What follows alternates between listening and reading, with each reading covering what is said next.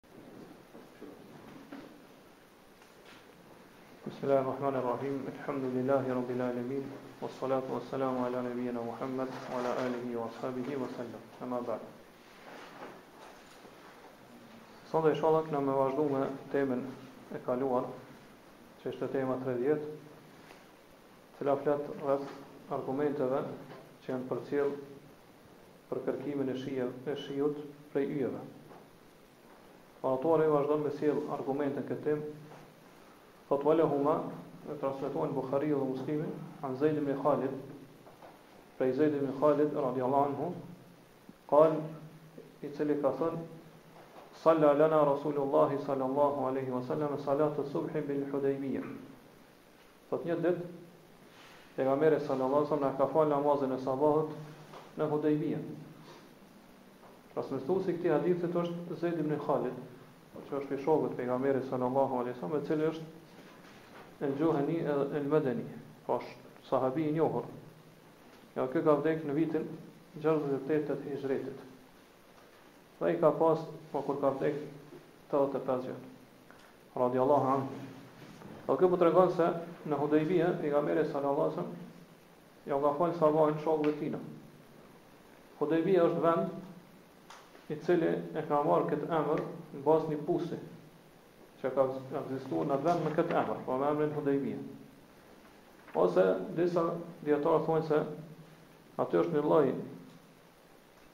i pemës, e cila quhet Hadba, edhe për për shkak të asaj peme është quajtur vendi Hudejbije. Edhe pse do thotë më e saktë ose shumica e dijetarëve thonë se ky ka qenë emri i atij pusi. Edhe ky vend është afër Mekës. Bile një pjesë e tij është brenda haremit, do brenda kufijve të Qabes, kurse një një pjesë e tij është jashtë kufijve të Qabes.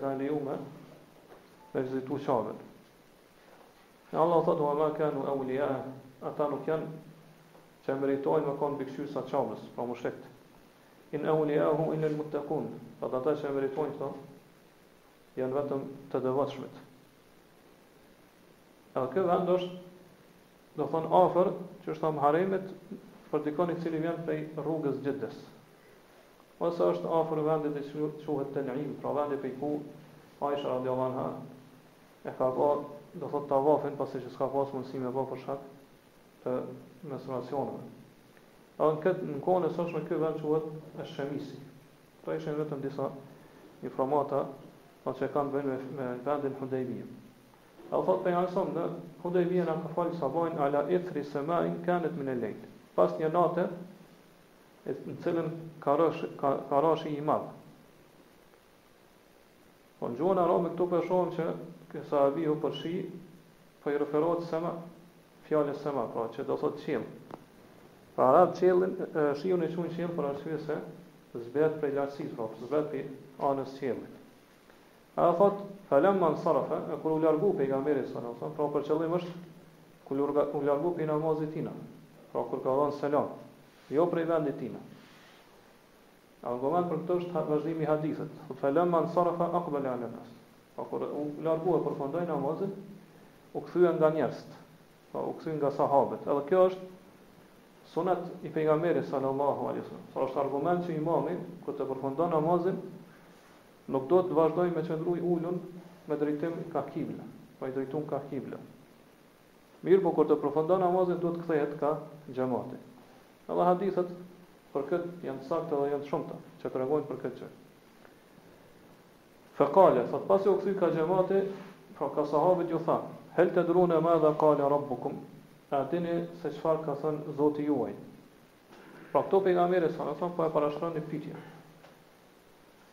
Po pejgamberi qëllimisht në shumë vende kemi përmendur edhe më herët, në shumë hadithe shohim që do thot kur dëshiron me ju tregu diçka sahabeve, e fillon këtë gjë me pyetje. Ngase këtë mënyrë do thot e tërheq më shumë vëmendjen e atij i cili dëgjon ty. Pra edhe ai tregohet më i interesum me di se çfarë po i tregon ti atij. Po kjo prej kësaj dietarët e kanë përfituar metodën e dhënies së mësimit, pra prej sunetit pejgamberit salasem që të bëhet me pyetje edhe përgjigje. Ngase kjo do thot e zgjon nxënësin. Nuk e lën me nejt i hutuar. Edhe do thot është metodë më e fuqishme në në mësimdhënie. Pra nëse pyetet ai, pastaj i tregohet përgjigja, Kjo vendoset më më thellë në trurin e në mendjen e tina, pra forcohet më shumë. Mirpo, do thot ndryshe nëse ti ja tregon, do thot çështjet ose ja tregon mësimin, kjo ka mundësi që më pak do thot me zënë vend në mendjen e tina. Edhe gjithashtu dietar kanë thonë se prej kësaj nxirret një dobi e që është thonë ligjshmeria, pra është e ligjshme Që imami nganjëherë me ia mbajt nga një këshillë xhamatit. Kur ka ndonjë rast të caktuar, për shembull, e ka ba një gabim që e ka vepruar dikush prej xhamatit, a dëshiron me përmirësua atë gabim, pra ja tërheq vërejtjen që mos me ra në atë gabim. Ose dëshiron me sqaruar diçka që është prej obligimeve të fesë. Apo mundet me mbajt një këshillë të përgjithshme. Pra me u fol njerëzve dhe me i nxit që me pas frikë Allahut subhanahu teala.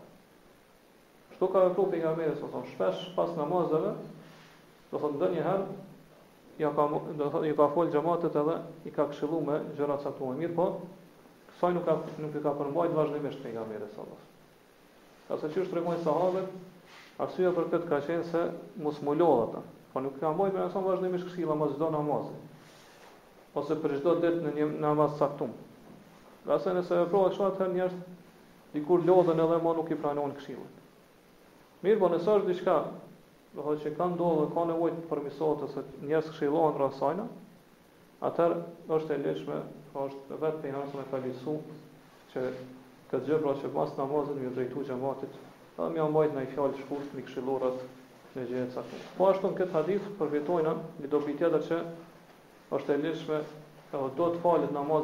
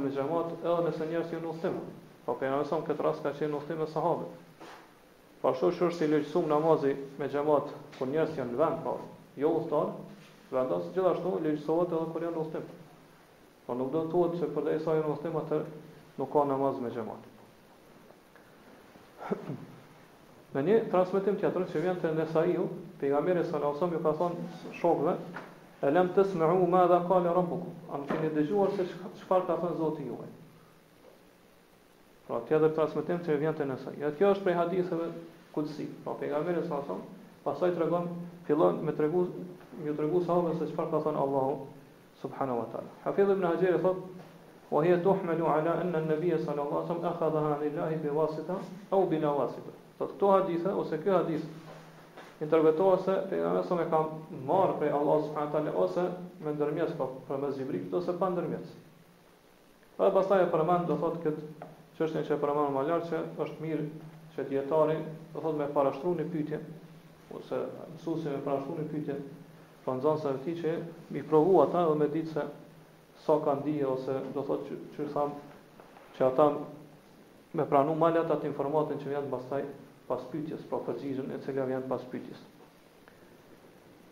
Në këto pejgamberi thotë, a e dini se çfarë ka thënë Zoti juaj? Po, po iu drejtohet sahabeve për Allahun subhanahu teala si Zoti i tyre. Kjo është rububia e veçantë. Ngase ne e dimë se rububia e Allahut subhanahu teala është e përgjithshme, po si për besimtarët, sikur për jobesimtarët, ai është Zoti dhe krijuesi i gjithëve. Mirëpo, kur themi që Allahu është Zoti i besimtarëve, atëherë kjo është rububie më e veçantë. Mirëpo kjo s'do të thotë që e kundërshton ose e mohon rububien e përgjithshme. Pra është rububie e veçantë ngase Allahu subhanahu wa taala i ka veçuar ata që me besu Allahu subhanahu wa taala në formën e duhur. Prandaj Allahu subhanahu wa taala do thotë kujdeset për ta edhe i udhëzon edhe më shumë në rrugën e tij të drejtë. Atëherë sahabët kanë thanë, kalu Allahu wa Rasuluhu a'lam. Ata janë përgjigj kanë thanë Allahu dhe i dërguari i tij e dinë më mirë. E dinë më mirë.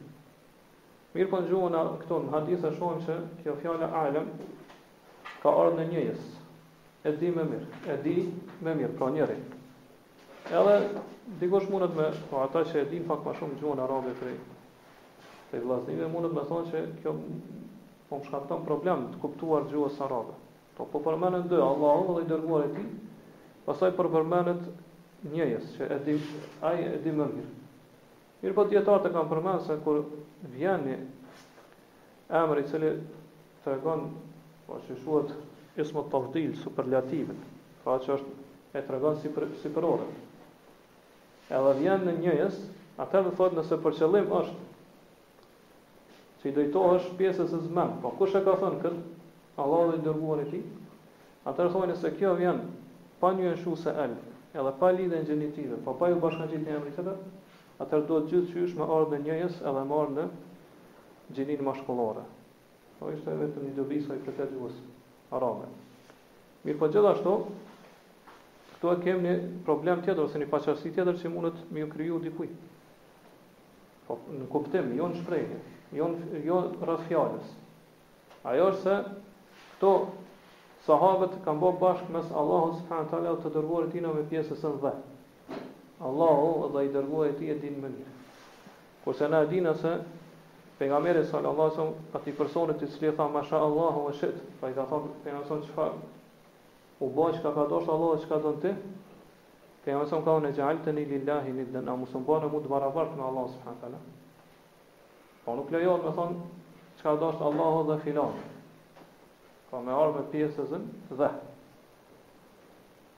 Si është përgjigja për këtë? Po në hadith po e shohim që ashabët kanë thënë Allahu dhe i dërguari i tij din, po i kanë bërë të barabartë me pjesëzën.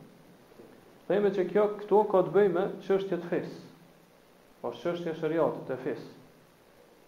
Edhe kjo veçse i ka zbrit pejgamberit sallallahu alajhi wasallam, ka shpallja për ta.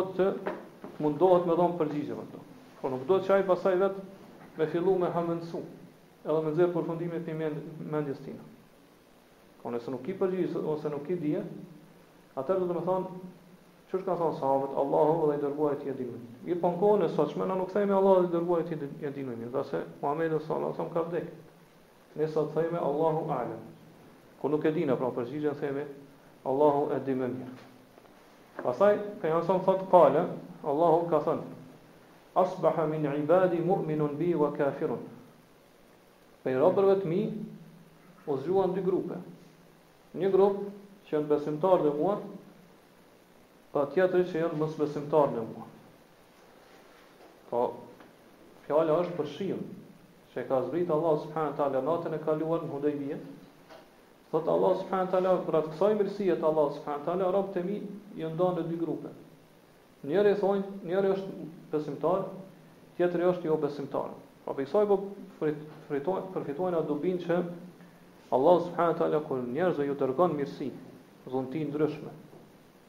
Atëherë Allahu subhanahu taala ju zbret këto mirësi për t'i sprovuar ata. Pra Allahu subhanahu taala i sprovon robët e tij, edhe përmes mirësive.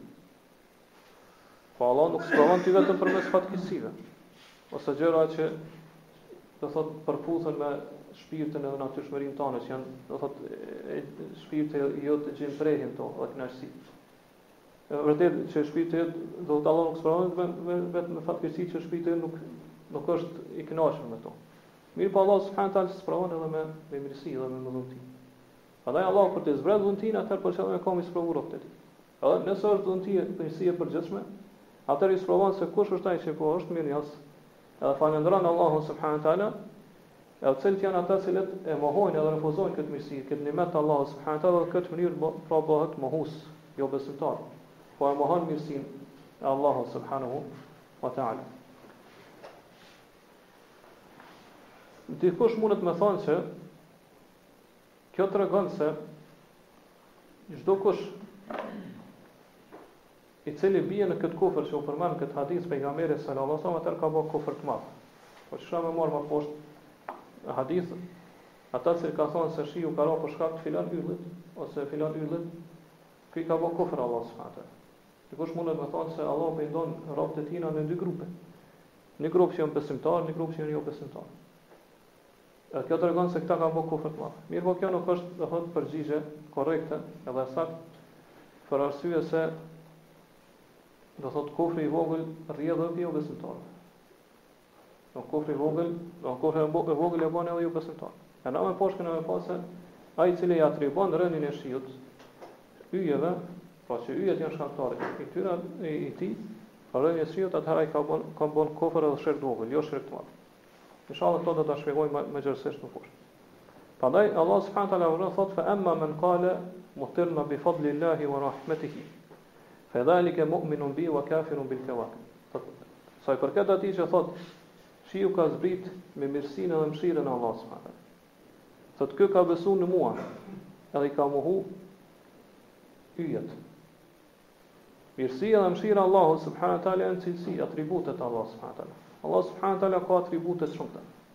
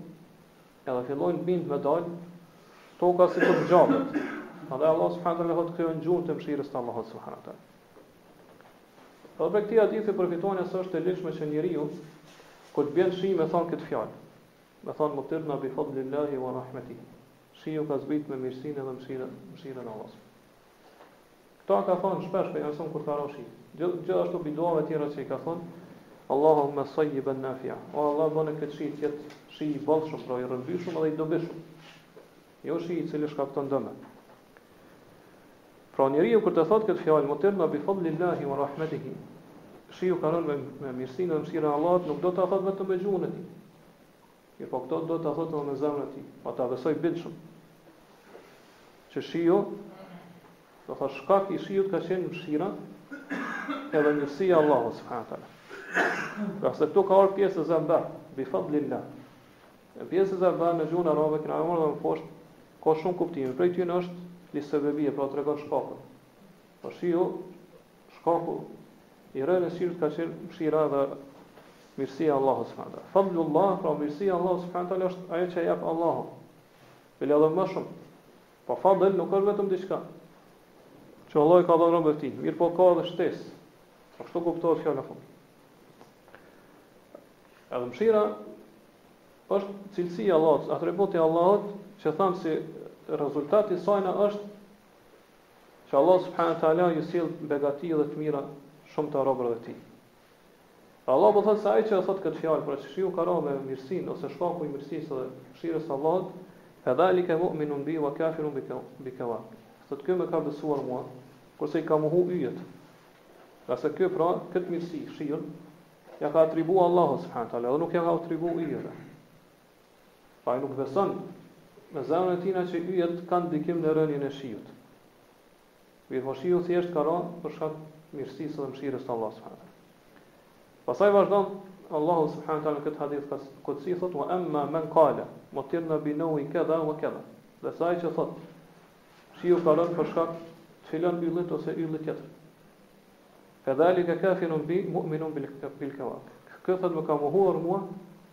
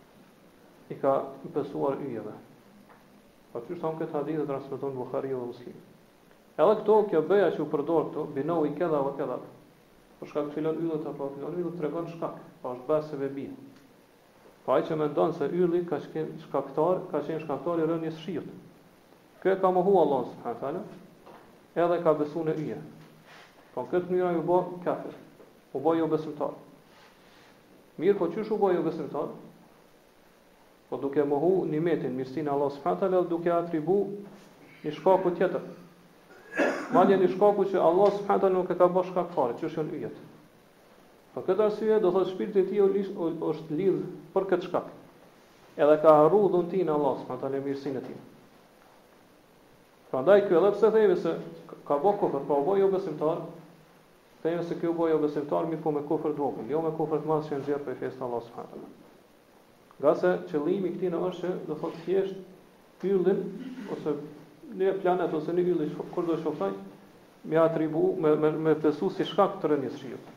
Jo që ylli vetë e krijon shiun. Jo që ylli vetë është ai që e lëshon edhe e krijon shiun. Ngase këtë mënyrë siç kena me marr inshallah, njeriu bën kufër të madh. Po, Pejgamberi salallahu alejhi ve selem ka thon, kur thot që shiu ka rënë për shkak filan yllit ose ylli tjetër, Atëherë ky ka bërë kufër. Nuk po thotë që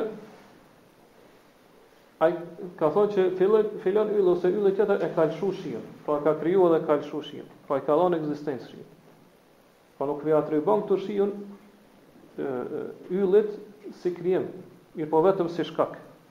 Për këtë arsye themi se personi i këtill, do thonë nuk bën kufër të madh, mirëpo bën vetëm kufër të vogël. Ai thjesht e beson yllin vetëm si shkak.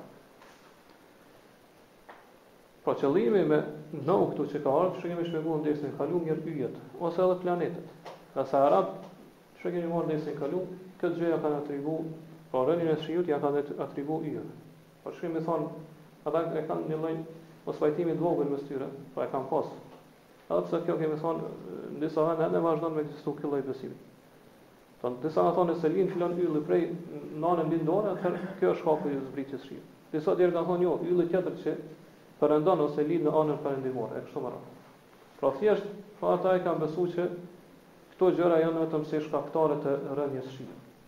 Pra nuk e kanë besuar që ylli ose lindja e një, një ylli i caktuar është shenjë që tregon fillimin e një periudhe, një kohë apo një stine kur fillon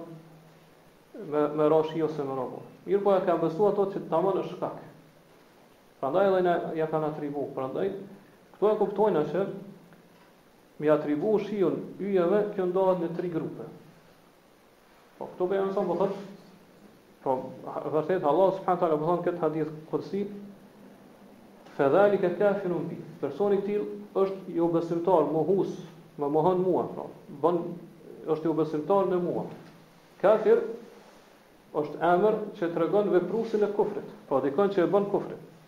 Apo është personi tek i cili ka ndodhur kufri. E kjo fjalë përdoret edhe për kufrin e madh dhe për kufrin e vogël. Pra siç është shpjeguar, nëse ja atribon rënien e shiut yjeve si krijim, pra që ato e kanë kriju shiun, e ato e kanë çu shiun atëherë kjo shirk i madh. Ngase personi i tillë beson se yjet kanë ndikim në ngjarjet që ndodhin në tokë. E prej tyre është edhe zbritja e shiut. Ose do të thotë planetet e kështu me radhë. Po shiu, shiu kjo mirësi ka ardhur për arsye se yjet e kanë dëshiruar, pra ka qenë vullneti i yjeve. Që yjet, do të thotë yjet, në vullnetin e tyre na kanë na kanë zbritur ose na kanë sjellë këtë mirësi dhe këtë dhunti prej tyre. Po ashtu besojnë ata që, kur adhuruesit e yjeve ju drejtohen atyre me lloje ndryshme të adhurimeve, atëherë ato yje lëvizin, edhe shkaktojnë lëvizje të caktuar e pastaj shkaku i atyre lëvizjeve ose do thotë duke si përgjigje ndaj lutjes së adhurimit të adhuruesve tyre ato e lëshojnë shiun. E kjo pa dyshim është kufër edhe me ixhmanë konsensusin e këtyre dijetarëve ose muslimanëve është kufër i madh, ngase do thotë këtu yjeve po jep atë, atë rububien, por po i besojnë se ato krijojnë krahas Allahut subhanahu wa taala. Lloji i dytë është qysh tham me atribu vetëm si shkak, pra rënien e shiut me atribu yjeve vetëm si shkak. E kjo është shirku i vogël. Ngase ai që e beson këto nuk po beson se yjet janë ortak me Allahun subhanahu wa taala. Edhe mundën me veprua apo me kriju diçka pavarësisht Allahut subhanahu wa taala në këtë univers.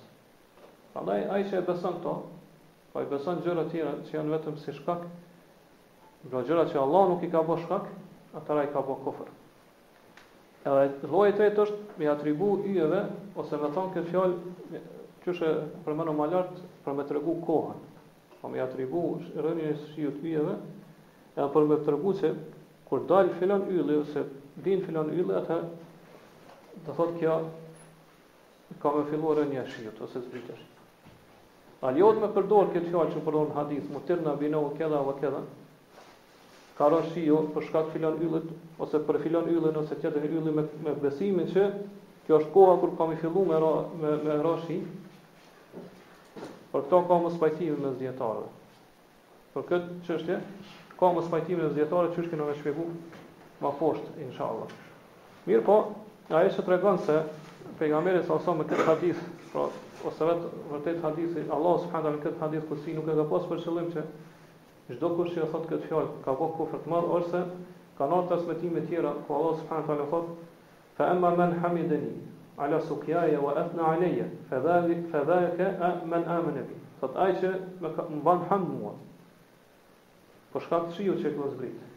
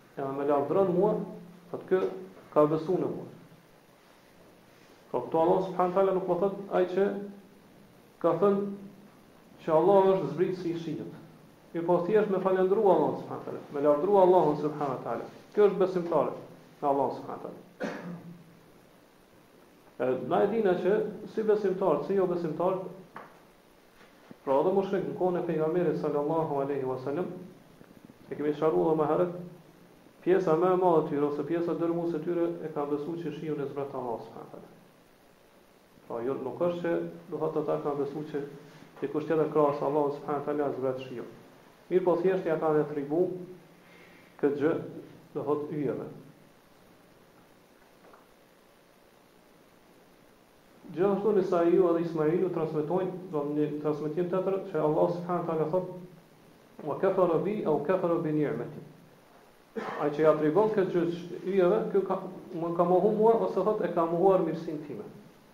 Po kjo tregon se nuk është fjala që ka bo kufër të madh, mirëpo thjesht e ka mohu mirësinë dhe dhuntinë e Allahut subhanahu wa taala. Gjithashtu është edhe transmetimi i Ebu Salihut prej Ebu Hurejrës tek Muslimi i cili thotë qala Allahu taala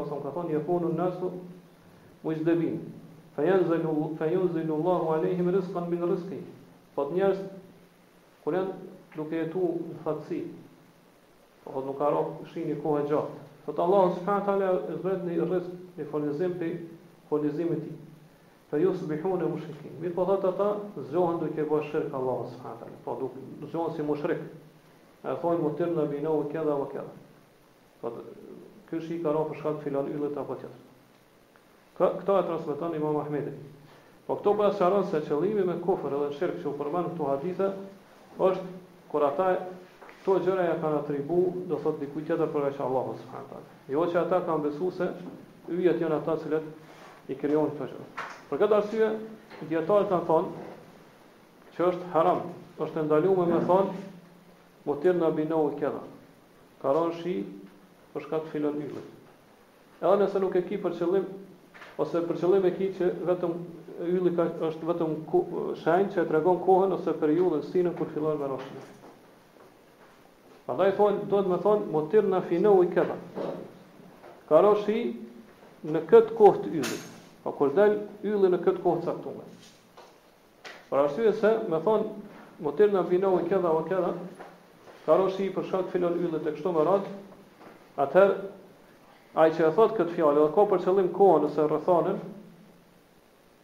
Në disa dijetarë e lejojnë këtë gjë, pra thonë është e lejuar. Ngase do thotë ai ka për qëllim vetëm kohën. Mirëpo kemi thënë dersin e kalum që shumica e dijetarëve ose mendimi më i saktë i dijetarëve është që as si fjalë kët kët nuk duhet me thonë. Ngase kjo edhe pse do nga aspekti i kuptimit po, të hadithit dhe të fjalisë, është e saktë që bëja nganjëherë përdoret edhe për rrethana, mirëpo nga aspekti i vetë shprehjes, i vetë fjalës, kjo nuk është e saktë. Ngase, për jam nësëm, vërtet, Allahu subhanahu wa taala në këtë hadith kudsi, kur po thotë,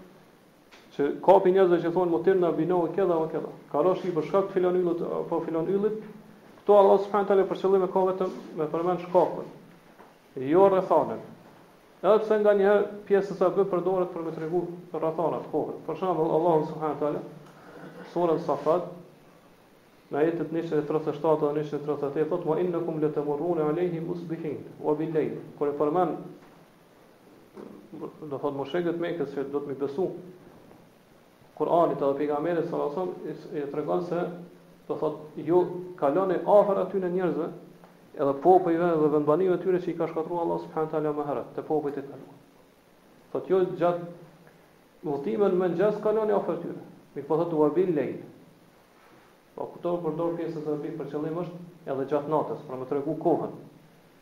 Mirëpo, be-ja, pjesëza be zakonisht përdoret për me tregu shkakun. Kurse pjesëza fi, që tregon rrethanen në këtë kohë, pra ka ra shi në kohën kur ka lindë filan ylli, kjo është është e lejume dhe tregon rrethanen apo kohën.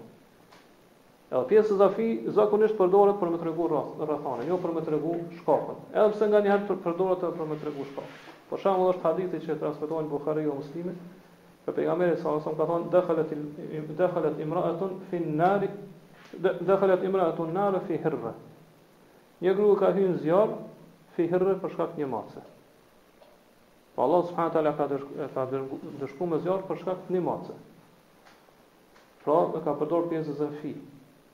Mirëpo kjo është më e rrallë, do të thotë shumicën e rasteve fija përdoret jo për me tregu shkakun, mirëpo për me tregu rrethanë. Prandaj edhe në këtë rast dijetarët thonë duhet me thonë mutirna fi nawi kada wa kada. Kjo është e lejuar, me thonë ka ra shi në kohën kur ka dalë filan ylli. Kjo bën me thonë, pra me tregu ato vetëm si po. Po mos mos me thon mutirna bi naui këdha wa këdha. Ka ra shi për shkak të filan yllit. Për shkak edhe nëse e ki për qëllim që kjo ky yll e tregon vetëm kohën kur e thotë këtë fjalë. Se pjesëza bi gjithmonë përdoret ose shumicën e rasteve përdoret për me tregu shkakun. Po kjo është një prej kuptimeve.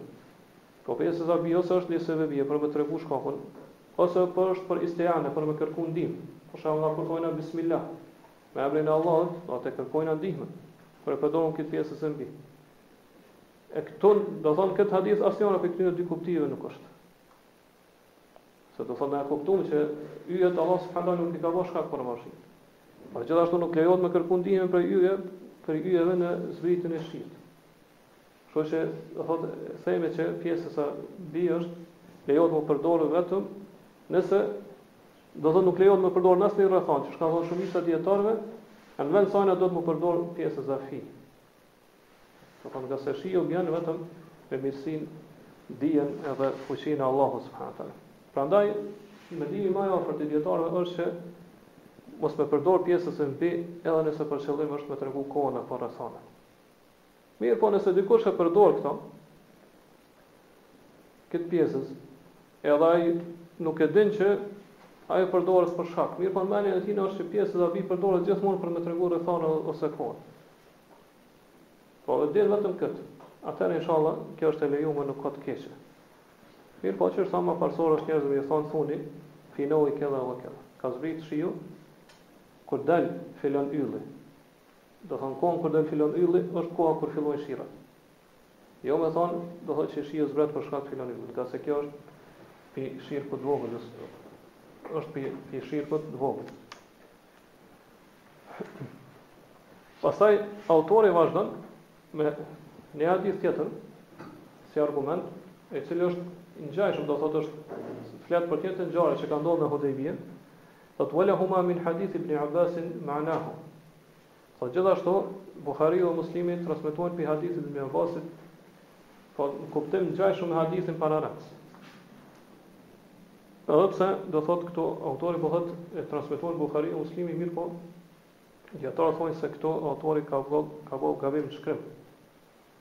Ngase këtë hadith nuk e transmeton Buhariu, mirëpo e transmeton vetëm Muslimi. Nuk është te Buhariu e Muslimi, mirëpo është vetëm te Muslimi. Prandaj, do thotë kjo është një gabim të cilën e ka bërë autori në shkrim. Para se me fillu, do thotë, me, me sqaru këtë hadith, ne po e përmenim edhe fjalën e imam Shafiut, i cili flet rreth asaj që e përmendëm më lart, do thotë që nuk, për, nuk lejohet me thonë mutirna bi neu'i kedha ve kedha. Imam Shafiu, Allahu e mëshiroftë, thotë, men kale mutirna bi neu'i kedha, ala mana mutirna fi vakti kedha. Thotë ai që thotë, ka ra shi, për shkak filon yllit, kurse për qëllim, pra e përdor këtë pjesëzën bi, mirëpo për qëllim e ka kohën, Që kur del ai ylli fillon me zbrit shiu, fe la yekunu kufran, thotë ky nuk ka bo kufër në këtë rast. Wa ghayruhu min al-kil min al-kalami ahabbu ilayya minhu. Mirëpo thotë fjalë tjera. Me përdor fjalë tjera përveç kësaj thotë kjo është më parësore për mua, më e dashur te unë. Po, prej këtyre fjalëve të Imam Shafiut nuk na nuk e kuptojmë që kjo është e lejume. Mirëpo thjesht po e kuptojmë që nuk ai po tregon se kush e përdor në këtë kuptim nuk ka bë kufër as ka bë shirk. Edhe me përdor fjalë tjera është ma mirë. Mirëpo me thonë që ajo është e lejume, n'mënyrë të përgjithshme të pakufizume, këto nuk e ka thonë imam Shafiu. Edhe siç u tha ma e sakta është që kjo nuk është e lejume.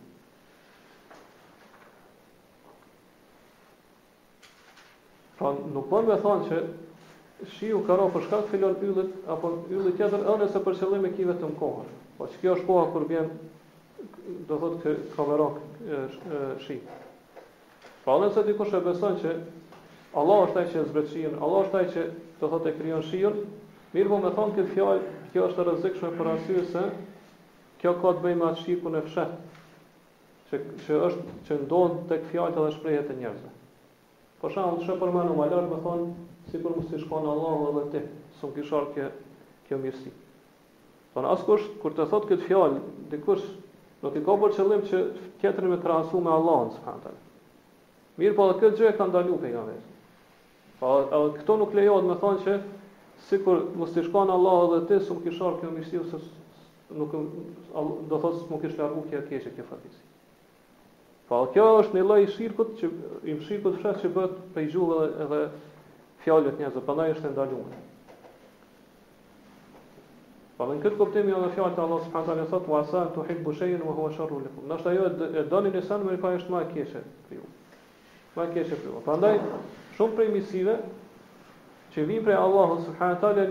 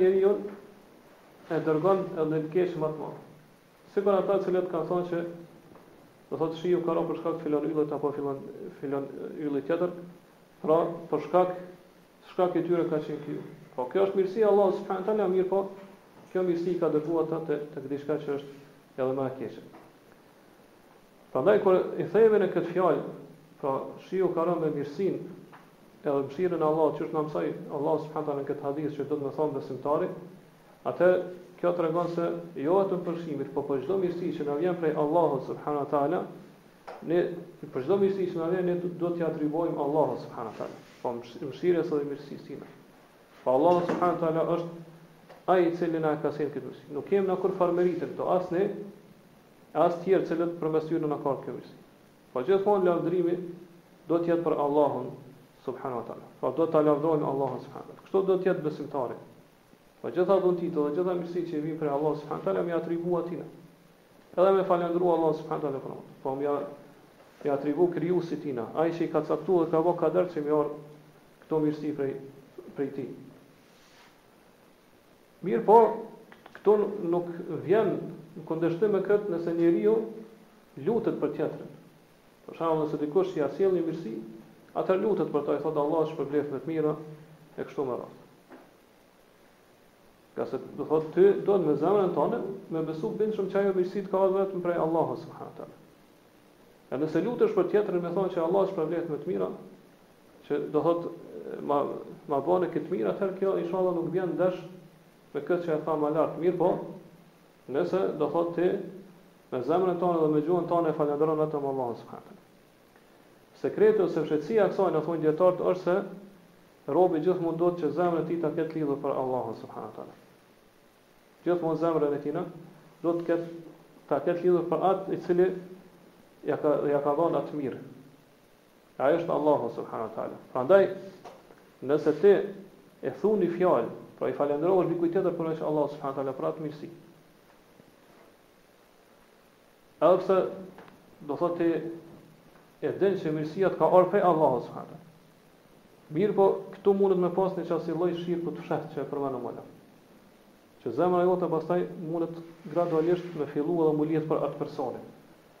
Ka për atë i cili ta ka ba këtë mirë.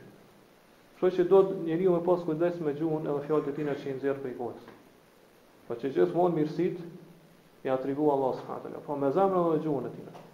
E për tjetrin mun thjesht mu lut, me thon Allahu të shpërbleftë, mirëpo vetëm në rastin kur do thot me zemrën tonde je i bindur se do thot edhe beson bindshëm se mirësia të ka ardhur prej Allahut subhanahu taala.